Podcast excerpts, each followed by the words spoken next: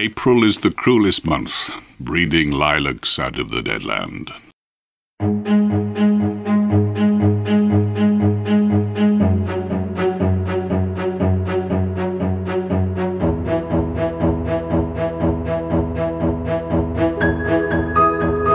The Honourable Gentleman has got to learn the art of patience. And if he is patient, if he deploys Zen, he will find that it is ultimately to everybody's advantage.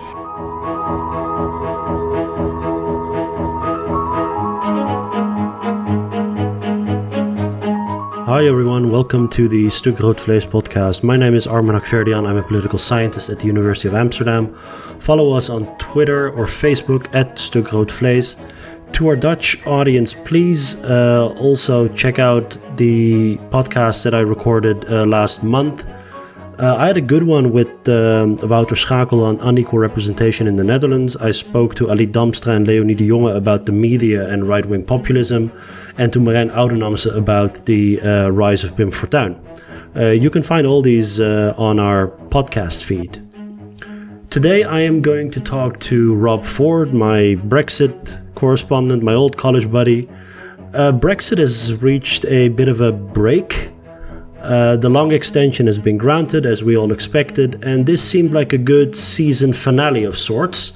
I'm sure I'll talk to him in the future about uh, Brexit related stuff, but we won't be doing the, let's say, weekly therapy sessions because things have quieted down a little bit. And uh, yeah, so Rob and I asked you, the listener, to submit some questions, so we'll be doing a Q&A. And uh, maybe uh, towards the end we'll also talk some Game of Thrones because, um, well, it's my podcast and I don't need a reason. I like Game of Thrones. All right, first, some more Brexit talk and your questions with Rob Ford.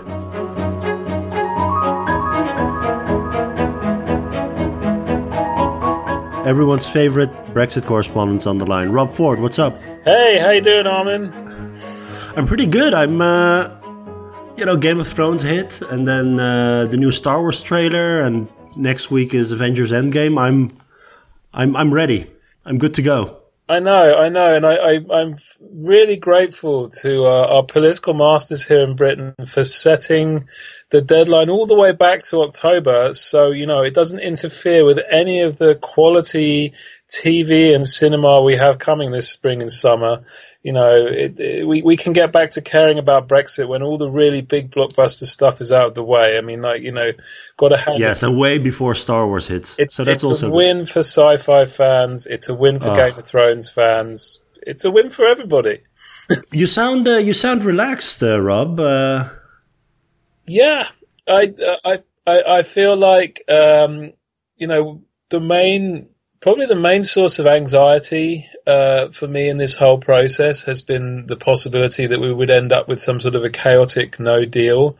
right. And uh, I think the lesson of this new lengthy extension is that's just not going to happen, in my view. I think the likelihood of it has dropped pretty sharply because what that sort of second, rather weird, slightly humiliating extension process made clear is there's no way that the EU want it to happen and that No. there's no way that this current British government will let it happen. It's still possible that we end up with the Conservatives replacing Theresa May with someone genuinely unhinged, um, rather than someone who's just willing to cater to the unhinged, and they're willing to do it. But I don't think so. It seems like it seems unlikely, yeah.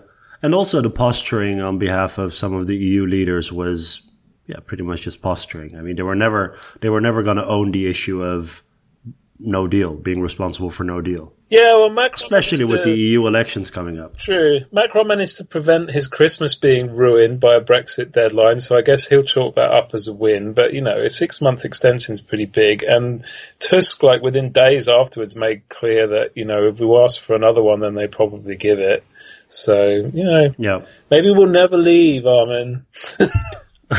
Who knows? Yeah, yeah. We'll just sit, we'll be like Tom Hanks in that airport movie. We'll just wander around the department lounge, forever, the departure lounge forever. The terminal? Yeah, terminal. That was it. That's what we are now. We're we're we're the terminal EU member. What about Castaway? That's another Tom Hanks movie comes to mind.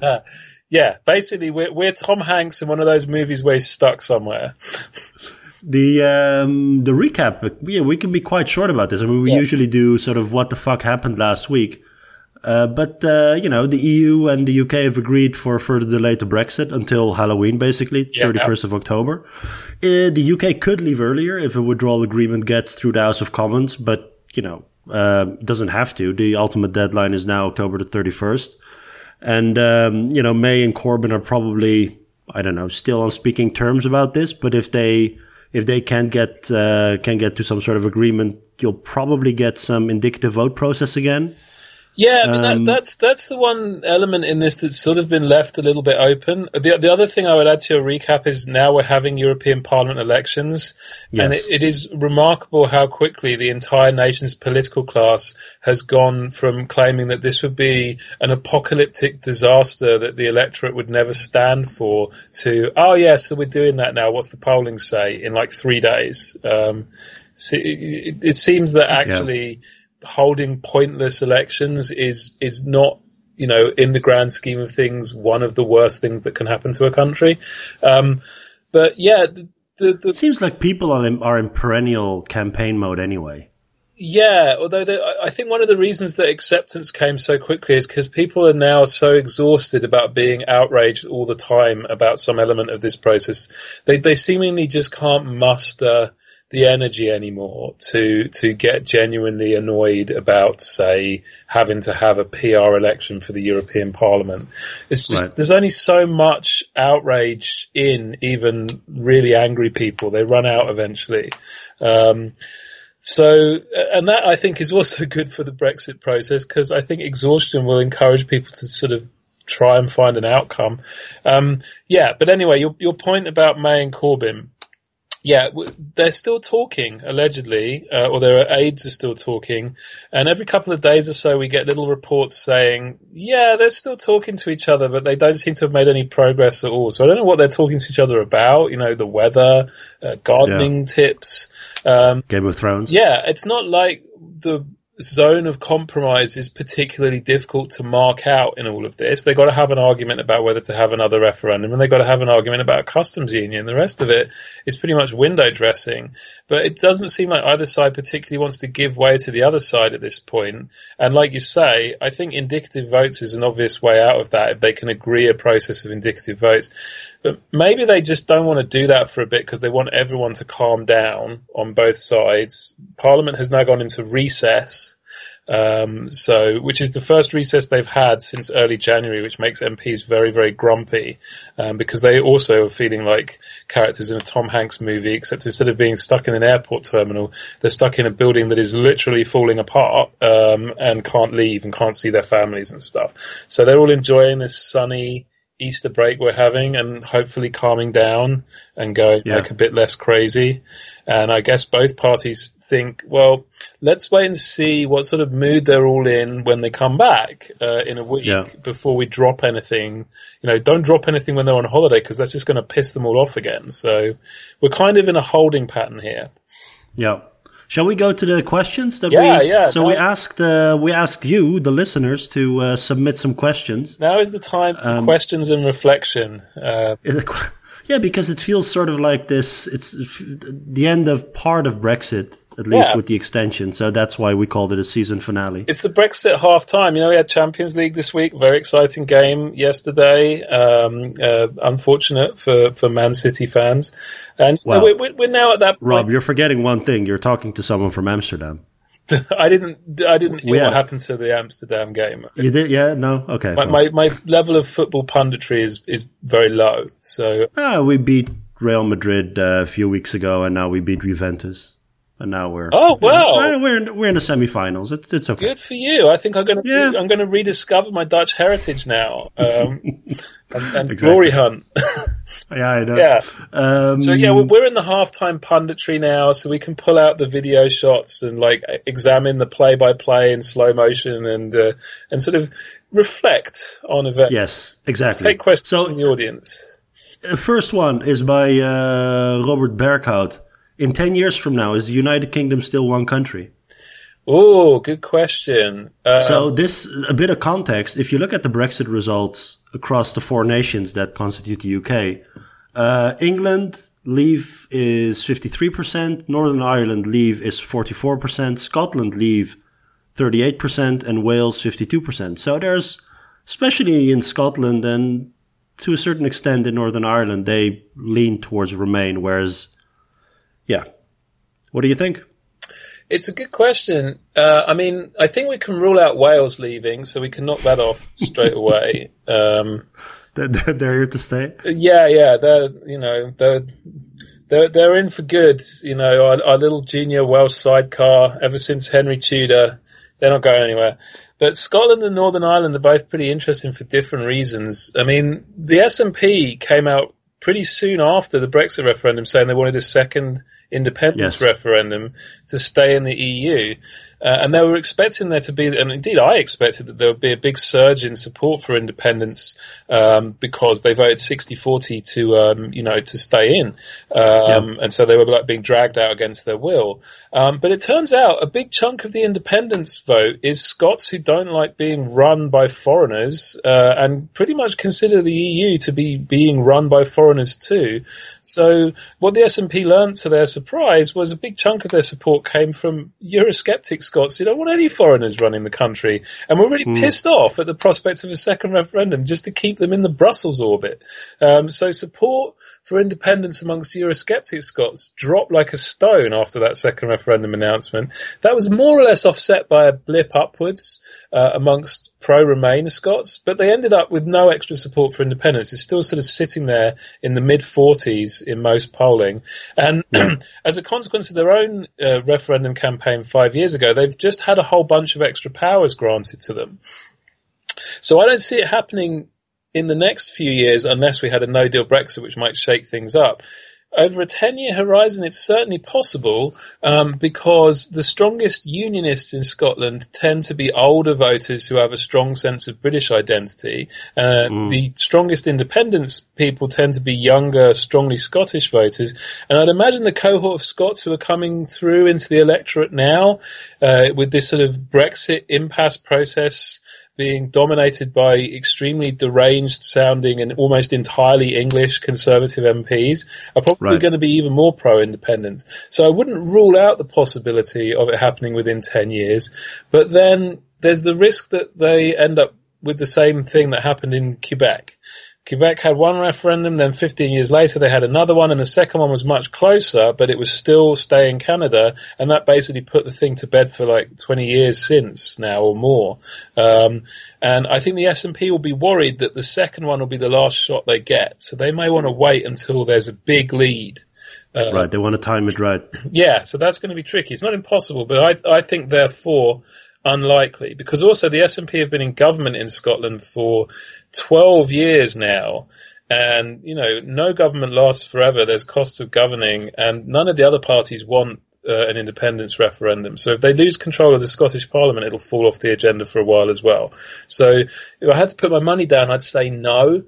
And then Northern Ireland, that's even more complicated because there's, the, I believe, and I need to be careful because the Good Friday Agreement is very sensitive stuff. So, and I'm not an expert, but my understanding, and I'm willing to be corrected on it, is that there's provisions in that for what's called a border poll, where both the South and the North would vote on unification, but there has to be majority support in the North from both communities to the idea of having the poll, I believe. Um, now, support for having a unification poll has gone up as a consequence of the Brexit process. So it could happen.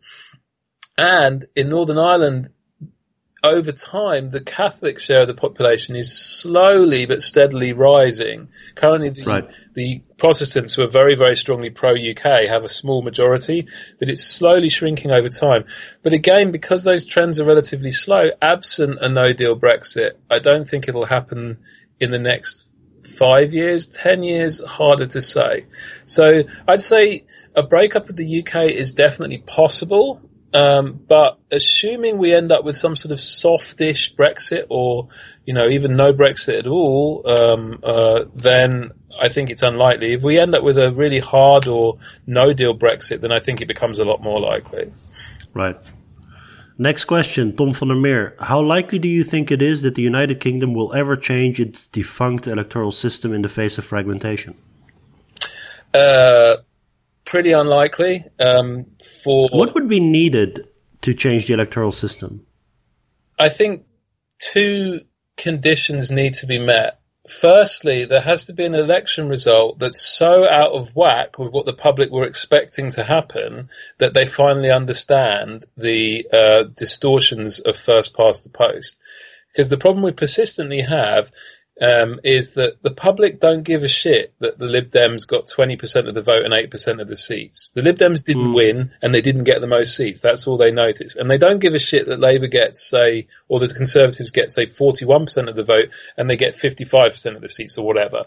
They say, well, the one that won, they won. They get the most seats. They get to form a government. That's that's all we care about. So it's never been particularly easy to make an argument for a more proportional system to voters who basically think the winner won, no problem.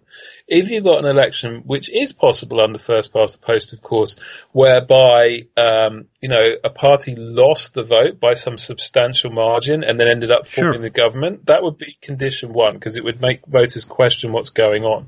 And it has happened in the past in the UK as well. Yeah. That the second party in terms of uh, votes got the majority in the seats. I mean, it's just a matter of how your vote is dispersed. Exactly. It's it's happened twice in the post-war era, I think.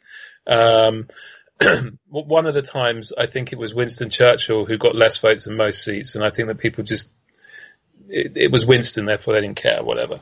Um, but uh, so that's precondition one. The other condition is that the party that ends up with the most seats needs to be strongly committed to electoral reform, so strongly committed that they can't go back on it. Because this is the main reason we never get election systems reform at Westminster, is turkeys don't vote for Christmas.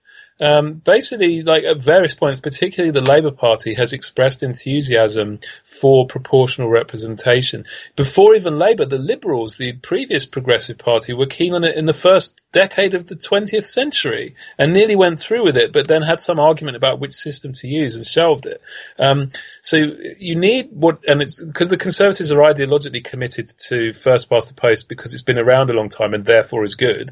Um, you need probably Labour uh, to commit to election system reform and actually follow through on it. Um, mm. So I guess the likeliest scenario in which it happens is a Labour um, minority win um, despite not getting the most votes, and they're propped up by other smaller parties, all of whom have an interest in PR. So they can only govern by conceding a referendum on PR, and that referendum is likely to be won because the public finally understand how kooky the system is. Um, but that combination is, in my view, fairly unlikely, which is why I think we're going to be lumbered with this dumb system for a while, and it'll deliver, thanks to fragmentation, Tom's quite right, even more unpredictable and chaotic results going forward. Right. And a second part of the question is Do you see other ways to prevent deadlocks like the current one? And I'd like to uh, connect this to another question by Fab- Fabian Sasson. Is the Fixed Term Parliament Act here to stay? Because those seem related. Yeah, they are kind of related. Uh, I don't think the Fixed Term Parliaments Act is here to stay. I don't think it's worked as intended already. Otherwise, we wouldn't have had the 2017 election. And I think that uh, future majority government, particularly a future majority Conservative government, but to be honest, either party will probably end up repealing it and replacing it with something else. That's the tricky bit, incidentally. Phil Cowley's very fond of pointing this out, is that you can't just repeal it. You've got to replace it with something. Um, because it it basically binned off all the previous arrangements, and now it's basically the rules under which an election can happen. So you can't just bin it without having any rules for how an election can happen. You've got to have a new piece of legislation that sets out formal rules for how an election can happen. And obviously these could be much looser than the current ones. Um, but that does make it a bit trickier than simple repeal. But I, I, I think it probably will change because I think nobody likes it and the problems it creates have become very obvious in this parliament. As to how do we avoid these kinds of deadlock, well, I think it's quite simple, really. You just need a reliable majority in the House of Commons. It's about the numbers. The reason we've got this deadlock is because May cannot summon a reliable majority for anything due to a large number of persistent rebels on her own backbenches and no support from anybody else. Uh, look at the Cameron government of 2010 to 15. They had roughly the same number of Conservative MPs as May has, even slightly less. But they had a great big dollop of Lib Dem MPs who'd loyally vote for everything the government proposed. A lot of good it did them. Um, but that's all you need. But that doesn't look like a, structure, a structural sort of uh, condition in place. It's completely up to the whim of, you know, whatever state your party's in. Yeah, I, I, think it's a harder condition to meet because the MPs have become more rebellious uh, and winning a majority for a single party has become harder. But imagine, say, um, that Labour got, uh, I don't know, uh, fell 15 seats short of a majority next time. The Lib Dems got 20 seats and the SNP got 25 seats and they all agreed to form some sort of a coalition.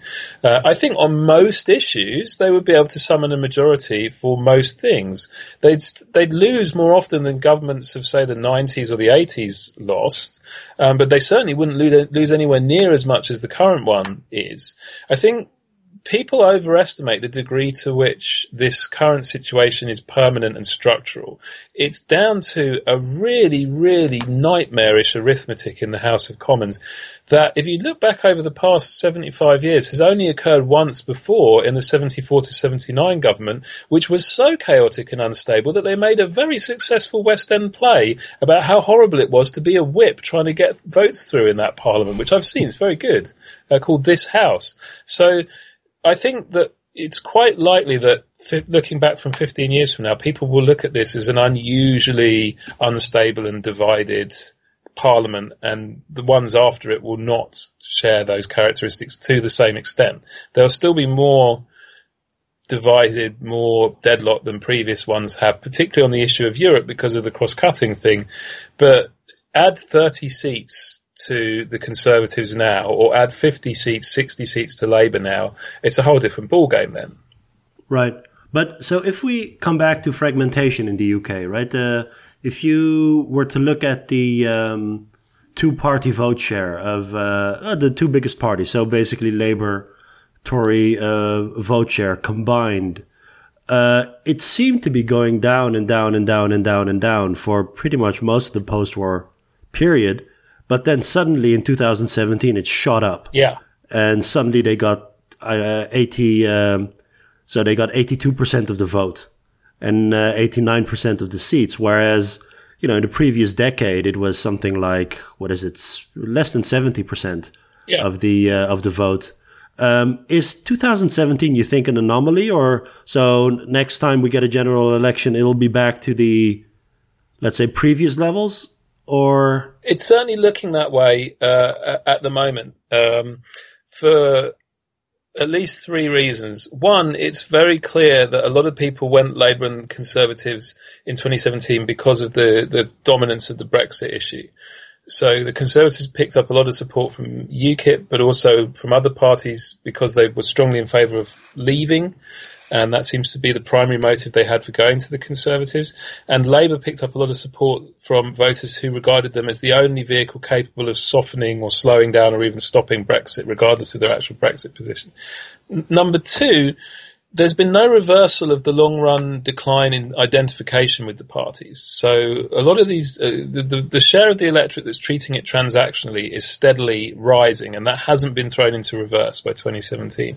And number right. three, if you look at the polling since 2017, the share that the two big parties are getting in polling has been steadily declining again and is now back down to actually below the level it was before the 2017 election. It's back to the sort of uh, low levels that we were seeing in, say, 2010 or 2005.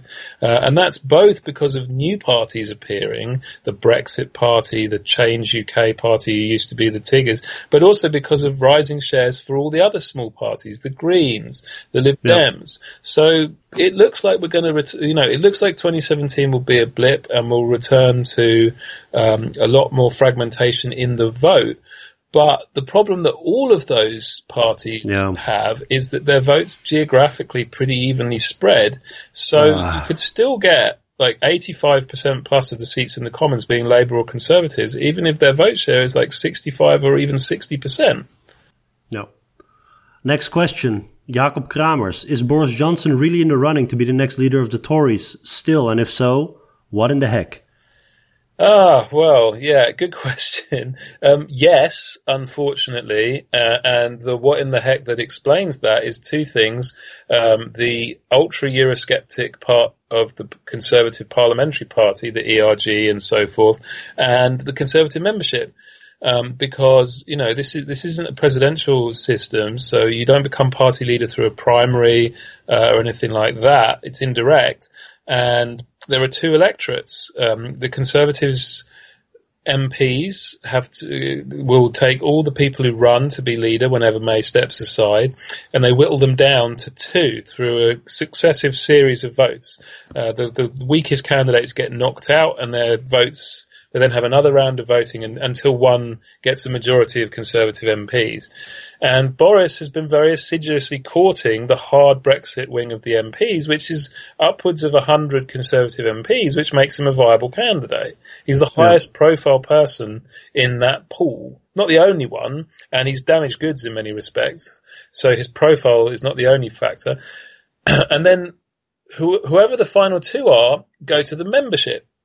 And the membership is crazy anti-EU now. The people who are still conservative members at this point are absolutely drum banging, tow Britain off into the middle of the Atlantic and build a huge ice wall to prevent anyone from Europe ever getting in anti-EU. So being the hard Brexit candidate going to that electorate is a big asset that's that's the reason. In short, it's uh, welcome to the Conservative Party, the greatest governing party the world has ever known, that is completely beholden to a bunch of old men with slightly eccentric views about the EU, um, to which Boris Johnson is happy to cater. Incidentally, did you guys, you, your listeners may enjoy this. He, his newspaper that he writes a column for every week got taken to court a couple of weeks ago because he printed things that were demonstrably untrue about the state of public opinion. And the defense that the Telegraph, the newspaper that he writes for, made, this is literally true, is that nobody reasonable reading Boris Johnson's column would expect it to be true. They were genuinely arguing that it was essentially satirical fiction. I believe they even used the phrase satirical fiction. Oh God. But the uh, this presupposes that May is leaving anytime soon. But is there any indication as to whether that's happening at all? She cannot be uh, challenged because she was challenged in December and she remained in uh, she remained in office. So they have to wait until so under current Tory rules, they have to wait until December again to challenge her. So yeah, it would have well, to be I, of her own accord. I wouldn't be too sure about that because, ironically, the the very same people who insist that a vote that happened in 2016 must be respected for all time are not keen on the idea that a vote that happened in December 2018 should be respected even for a year, um, mm. and are pursuing alternative avenues to try and find a way to get rid of May within the rules. And there are a couple of options. Um, one is that the rule about you can't be challenged for a year is a rule set by the 1922 committee. It could be changed. Uh, the other is that there's another provision, and I'm not really, I don't, this is getting into the dusty, obscure world of Tory party internal rules, but there's some sort of provision whereby if like I don't know how many, a large number of Conservative constituency party chairmen all write a letter to uh, the 1922 committee guys saying we want a leadership election. They have some sort of extraordinary grand convention or something like that, uh, where they can like hold an emergency vote on a new leader. Um, and they are actively pursuing these avenues because they're that annoyed with May as PM. Um, so uh, even if she tried to sort of stick it out until December, I don't think she will um, succeed. I mean, in, in doing so, but I'm not sure that she even wants to. Uh, anymore. Her, her behaviour since the long extension was granted has been very demob happy. Um, she's she's kind of had this sort of whole whatever type air to her, which is very unusual uh, for yeah. her. Um, so it almost feels like she she now feels she did her best and has lost. And the only question is when she calls it quits. Uh, and I suspect whatever process we have coming in the next month or two uh, as a final effort to resolve this thing, that'll probably be her last roll of the dice. If it doesn't work, she'll just say, right, someone else's problem at this point, you know, uh, no one can say I didn't give it my best shot. And, and I've had enough, and I'm going. So I think we probably will get a leadership election over the course of the summer. I'd be surprised if she's still there uh, come conference season in September. Right. Uh, we briefly talked about, uh, you know, you're gonna be joining the uh, EP elections. Um, Woohoo!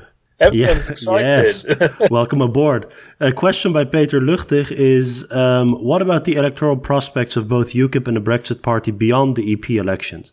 But maybe we can, maybe we can, um, before we answer the question, uh, the uh, electoral landscape going into the EP elections.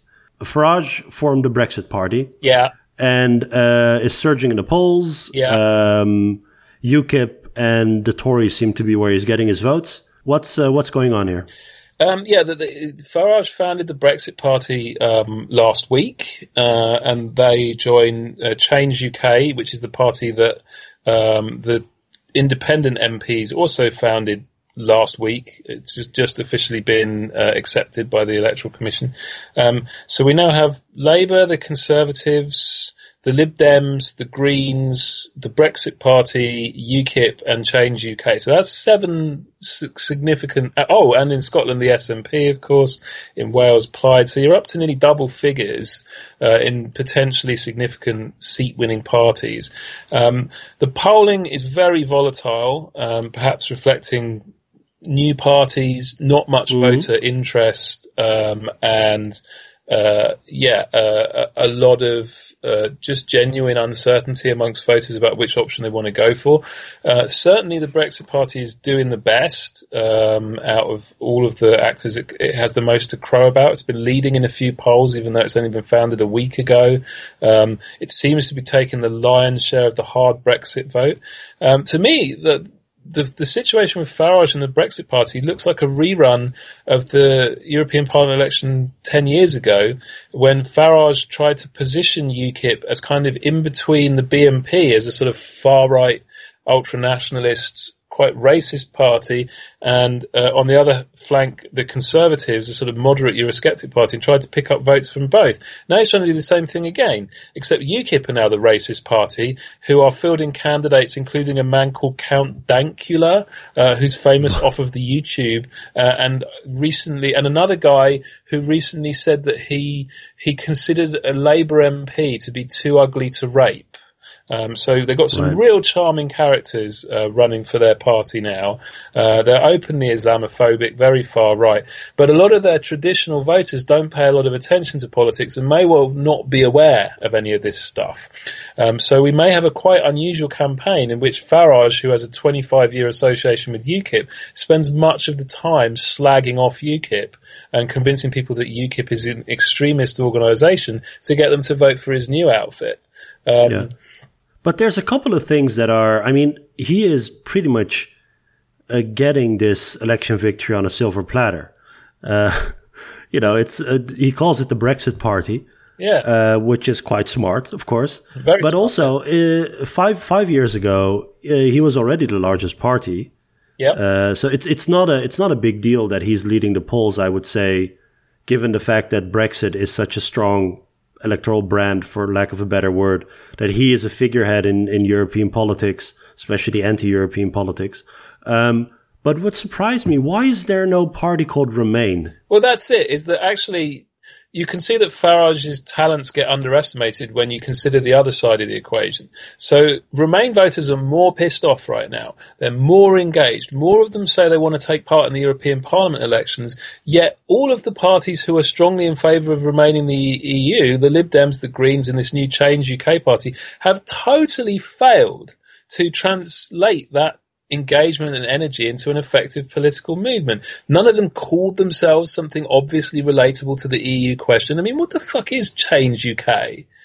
You know, it it sounds like a management consultancy firm. You know, it, it doesn't mean anything. Change what exactly? Stupid name. They just it, change, man. Yeah, yeah. Make a change. You know, Brexit is a change. Some people probably think it's a pro-Brexit party.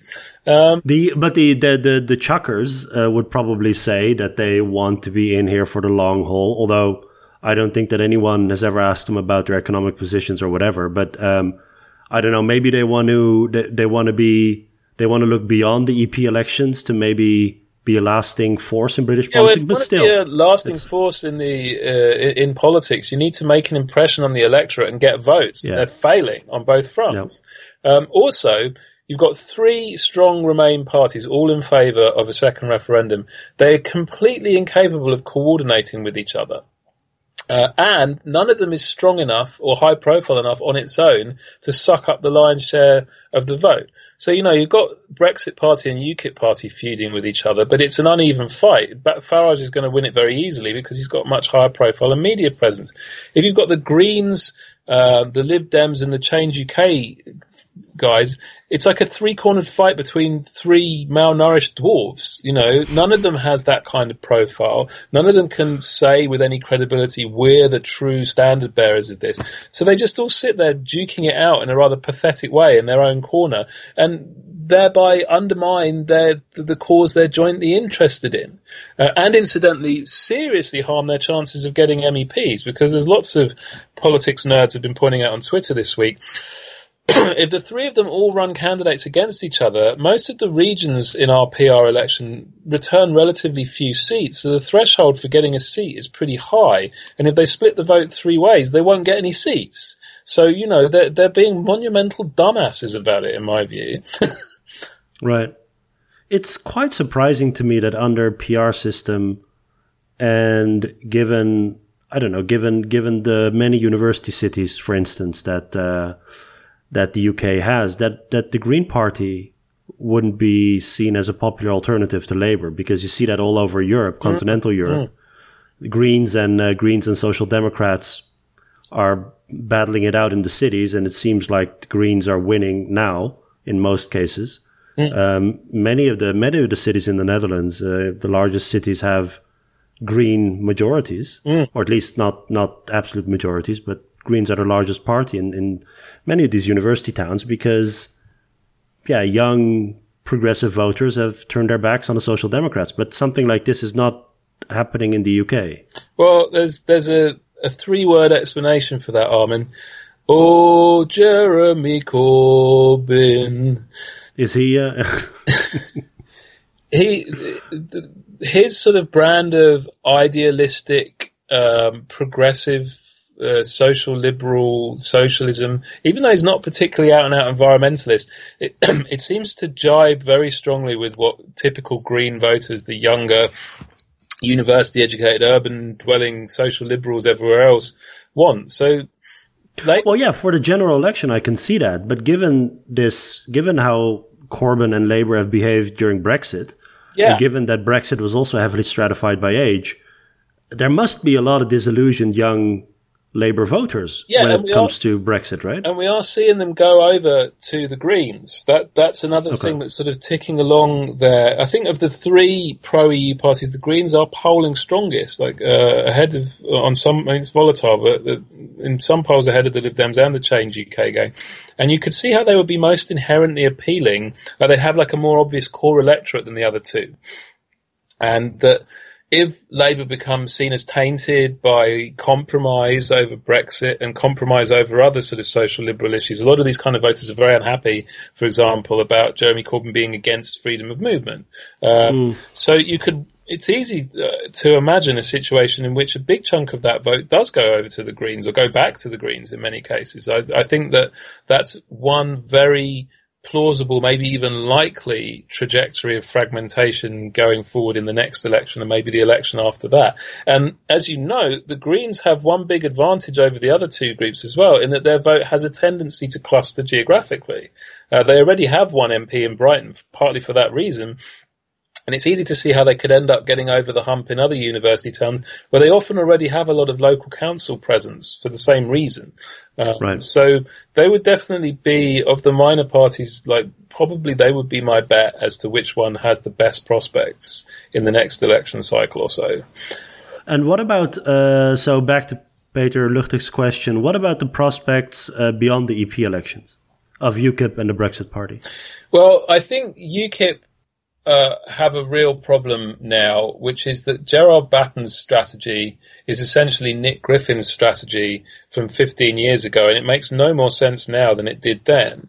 I mean, they're just, you know, the the hardcore far right Islamophobic ultra nationalist electorate is at best uh, one in ten voters. Uh, I don't know about best is the right word for that, or at worst. I mean, I guess no. uh, normatively, uh, one hopes it's as low as possible, but uh, at best, I mean in terms of the, the, highest ceiling I can imagine for it, and they're unlikely to really even hit that. Um, and under first past the post, it's just madness to focus your appeal like that. I mean, Farage understands this very well, which is why he's been criticising this approach very vocally ever since Batten took over. It's nuts. It doesn't make any sense under our system, that kind of approach. and I think voters, particularly like the kind of disaffected, low information voters who find the radical right uh, attractive, they're slow to update their understanding of what parties stand for. And I think UKIP is gaining some sort of um, you know, there's, there's a kind of drift there that they're benefiting from their earlier reputation for being somewhat more moderate on this front. But I think once voters do wake up to what UKIP is now, um, it's going to it's going to taint them in a way that will be very hard to come back from, and I think will probably doom them. Um, as for the Brexit Party, I don't know. Um, I mean, I it's one of the predictions which is becoming a short list that I made in December that came true was that Farage would come back into politics in the summer. He just can't resist it. If the Brexit process drags out, and it's likely to, I don't see any reason why he'd want to leave the stage. He loves the spotlight. He loves the attention. Um, uh, but what about elected office? Because he would be an MEP. Yeah. Um, until Britain leaves. But is there any scenario in which he would run for office in the UK, for instance? Oh yeah, he'll run in by-elections again and probably lose. Um, but he'll do it for the same reason. It means he gets lots of media attention, makes the running, pushes the kind of messages he's interested in. So I think if if the polling proves accurate and the Brexit Party comes first or second, um, beats the Conservatives, then I think um, you know, which will be much to the annoyance and disappointment of, of much of the particularly sort of Remain and socially liberal electorate of Britain. I fear that Farage will be back to stay once again uh, in our politics. Um, because he'll view the Brexit Party as providing exactly the same kind of service that UKIP did under his leadership, which is number one, it gives him a job that gets him lots of attention, so personally satisfactory. And number two, it puts pressure on the Conservatives again to sort of drag them in a more Eurosceptic direction. Um, and yeah, I, I, don't see him departing the scene at this point until we leave the EU, and probably not even then, because whatever Brexit we end up with is unlikely to be the kind of Brexit he wants. Right. I think we have time for one more question. This okay. is from Thijs K. It sort of goes back to the uh, Remain alliance we were talking about. Um, if a general election would occur, do you consider it likely that Remain parties, so Lib Dems, Greens, and Chuck, whatever they are called, uh, would and could forge an electoral alliance to further their chances? And if so, how successful do you think such an alliance would be? well, I thought this was pretty likely, but the completely laughable and lamentable failure to do so over the European Parliament elections has sort of made me wonder. Uh, mm. I mean, I think for the Lib Dems and the Change guys, the overlap between the kind of seats where either would be obviously competitive is so little and the advantage to having the other one standing aside is so great that I think it's very likely that they'll come to some sort of an arrangement. I mean, there aren't that many Lib Dem MPs. There aren't that many seats where the Lib Dems are in a clear second place. The Change UK guys themselves are only 13 MPs, and most of them represent seats where the Lib Dems don't have any realistic prospect of winning. So neither side has much to lose by having even a sort of informal arrangement of, oh, we won't stand a candidate where your MPs are or where you think you've got the strongest chance. Um, and, you know, they both have a lot to gain. Um, it would improve both parties' prospects. The Lib Dems would benefit from all the additional media attention that come from the Change guys. Um, the uh, the Change UK guys would be able to look like a more effective force. So I think that kind of alliance, what form it takes, formal or informal, I don't know, but I think that something like that is very likely. The incentives are so obvious. With the Greens, I think it's much less likely for two reasons.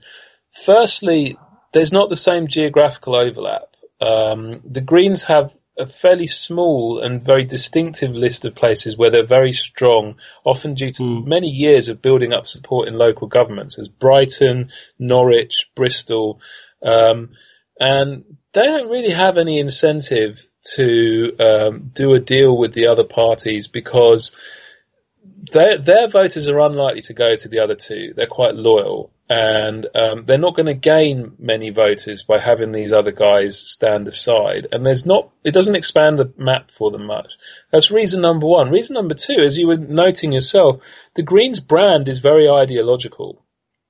You know, they, they are a strong, progressive left um, on the sort of second dimension social left kind of party. Strong environment policies, open borders, LGBT rights, and all this kind of stuff.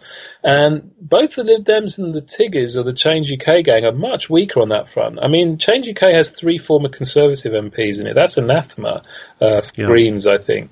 And so th- they would consider the taint of compromise to be really damaging to their core appeal, I think. So you know, I, think they would not do a deal with the other two, but the other two will probably do a deal with each other. Yeah. Should I ask maybe one final question sure. by myself? yeah. My, my own question. Because in the end, let's say that um, a deal comes through for Brexit and it's probably some sort of a softer form of Brexit. You would still have uh, 40% of hardcore Brexit voters being pissed off. You would have 40% of Remain voters, uh, 40% of the electorate that voted Remain, uh, or, or maybe more even, being pissed off. It seems like a solution that there, there's no way out of it without pretty much all of the electorate being pissed off at the uh, end result. Yeah, I mean, I think this could go one of two ways, and I genuinely don't know how it's going to go. Like, assuming that scenario plays out, um, and and I think it's going to be fascinating finding out it could be that we end up with, you know, this this is an argument that now that it's started just never ends. That these identities become very entrenched. That, as you know, a soft Brexit pisses off essentially 80% of the electorate for radically different reasons. They continue to argue nobody's satisfied with the status quo, so we just get new rounds of tug of war about how to move it. And that's quite possible. But I think it's also quite possible, and perhaps at this moment when tempers have cooled a little bit and we have a chance to reflect, it becomes a little easier to see how possible this is. That even when any kind of deal is done, the issue just drops like a stone off the agenda really fast because nobody has an incentive to uh, unsettle it. Uh, they all know that it's that they they all you know are now veterans of the horrors of the past few years, and they don't want that again. So nobody wants to sort of return to this argument uh, very quickly, either in the political elite or even more so in the electorate at large. And maybe these kind of very strong identities prove to be quite temporary things, and they fade away, and people return back to the kind of political arguments that have been put on hold for a number of years and are in many respects more urgent now than they were before they were put on hold. And you know that, that politics returns to some sort of normality more quickly and more completely than people anticipated. Um, not completely, you know, we still have Farage, we still have the Brexit Party, we still have the ERG, um, uh, but but that the the distortion to British politics proves to be less severe than it appears right now. And I think look you, at you being hopeful. Yeah, I know. I you've, know. You've changed in the past week. You've, it's the, it's the spring sunshine, man. Yeah. Uh, an extension, some spring sun, sunshine, and suddenly you're all hopeful about yeah. this process. I mean, I, I, I still think that the more sort of doomier scenario is the likelier scenario when you look at the sort of figures on very strong Brexit partisanship and so on. But if you look at what happened in Scotland, I mean, Scotland was very, very passionately and deeply divided uh, in 2014, and the independence campaigners were all like, "This isn't over. This is just the start. You know, we carry this fight on and everything." And in fact, things calmed down quite a lot relatively quickly. Same, I think, I don't know it as well, but my impression is the same kind of thing uh, in Quebec. It never fully returned to normal after their big divisive in, independence campaign, but it returned to something more like normal more quickly and more completely than people in the heat of those campaigns would probably have anticipated. And so I wouldn't be sort of, I would be relieved, uh, and it would, uh, I wouldn't rate it as the likeliest scenario, but I wouldn't be entirely surprised if, if we got the soft Brexit deal, if a year after that, uh, the level of discussion about Brexit had really just fallen off dramatically and much more than people anticipated. I mean, you know, it's spring, Armin. We've got to have some hope in the world. Speaking of hope, uh, want to do some Game of Thrones? Uh, yeah, yeah, talk? let's do it. All right. Um, so let me let me just get the uh, spoiler alert warning out of the way because obviously we're going to be talking about the episode that just aired, and if you haven't seen it, go watch it and then come back to this uh, conversation. I would say. Uh, final season, episode one called Winterfell. Yeah. Uh, what did you think? I was I, I, was surprised. I was expecting with only six episodes that it was going to be boom, all action yeah, from, from the start. Exactly. But it was more like all sort of chill, like you know. Let's remind everybody. It's been eighteen months since the last one. Let's remind everybody who all the Yeah. characters are. They all have their little like get together moments and stuff like that. As if everyone hasn't watched, uh, didn't done their rewatches and and, and Yeah, everything. yeah. It's Yeah, let's have fifty minute. Let's have fifty minutes of people arriving at a place. Yeah, yeah, exactly. Like, you know, yeah, hi, uh, I'm this guy. You may remember me from such episodes as. right. Yeah, but I kind of like that. I mean, there were lots of nice little moments in that. Yeah, yeah, Um, that's true. And uh, I particularly, uh, I particularly enjoyed the way that, that Bran has now become some sort of wheelchair-bound universal killjoy. That he just turns up and like glowers at people and announces Right. really nasty things and then pisses off. Did you see the uh, crowdfunding campaign to build a uh, a, a ramp to get his wheelchair out of the uh, out of the courtyard in Winterfell because he seems to be he seems to be stuck in the courtyard in Winterfell and no one can get him out of the courtyard. Um, See, that's why he's so grumpy. internet's so good. I don't, yeah, I don't know what to do without it. There were a lot of really nice little moments, as you said. So the reunions and everything. Um, did you cry when Jon and Arya hugged? Uh, I uh, I had a, a, a, a sort of itch in my eye. Definitely, it was it was a powerful moment. That was a good one. I, I also enjoyed the Arya ban- uh, Gendry banter as well, and I'm wondering if there's going to be a lot some, of flirting. yeah, some serious flirting going on there. And also, I, li- I liked uh, the way she burned uh, the hound. Oh yeah, Uh, you left me to die while I robbed you first. that was quality, and yeah, it, it's it's always good to have the Hound back. You know, he's value. I, I feel like the whole Brexit thing would be fixed a lot easier if they just put the Hound into the Speaker's chair. Can't you just have uh, a trial by combat? and, uh, you know, each side picks a champion and you just, Well, you know, fight it out. Speaking about trial by combat, do you think we're going to get Clegane Bowl, Armin? I mean, we've got five Yeah. episodes left. Pretty much, yeah. I think so. Should happen. Uh, it's a bit of fan service. Yeah, think it has Um, to happen, really. I'm not that into it as many people seem to be, but uh, yeah, let's get it over with. Why not? Who- um, who's your money on in Clegane Bowl? Oh, on the Hound. Yeah. Well, but it is Game of Thrones, so maybe it's kind of like um, you know the scene with the Viper in the mountain, where they Oh man, that scene when he squashes his head. Yeah after yeah he's one and then um, you know what I absolutely disliked about the episode What? What? was the um, the dragon scene with Jon. Oh man, that was like something out of like some sort of Disney rom. Yeah, it was it was like the uh, magic carpet ride in Aladdin. Was but uh, but then like, with your uh, but then with a bit of incest thrown into it. yeah, and I, I was It was weird. I was expecting some sort of Celine Dion track to start playing over it. Um, what what what was going on with like the them getting off in front of the dragons? right. So some people, some there are some theories that say that you know because Drogon was so the dragons were actually born in Khal Drogo's funeral pyre. That actually part of Drogo, Khal Drogo, is in Drogon the dragon, and that therefore he was jealous. Sounds like you're spending uh, a lot of time on some of those Reddit theory forums. I, I might spend some time on Reddit, yeah. now, what the thing is, I uh, so people have been speculating all along that Jon is going to ride a dragon and everything. You know, he's Targaryen. Every, yeah, great. I thought it would be heroic. I thought it would be in one of these scenes where they're being overrun by the dead, and uh, you know he has to do something heroic, sort of like a Deus ex machina, and then the dragon Yeah, yeah. Flies just along jumps and like picks up the spur of the moment. yeah, not like this, you know, going on a going on a like a, like a fairy tale ride with your aunt with benefits. Yeah, that was that was weird and bad. Didn't like it. Didn't like it, Rob. Also, did did you notice that when when uh, Sam came and told him the whole deal about how he was the real king of the Iron Throne and like a Targaryen and that, his first thought wasn't "I've been shagging my aunt." It was, "Are you dissing my dad?" right. It's like, dude, Ned's dead. Let it go. He's not your real dad. You should really be more concerned about the incest that's been going on. so, how do you think this whole thing is going to end? Oh man, I don't know.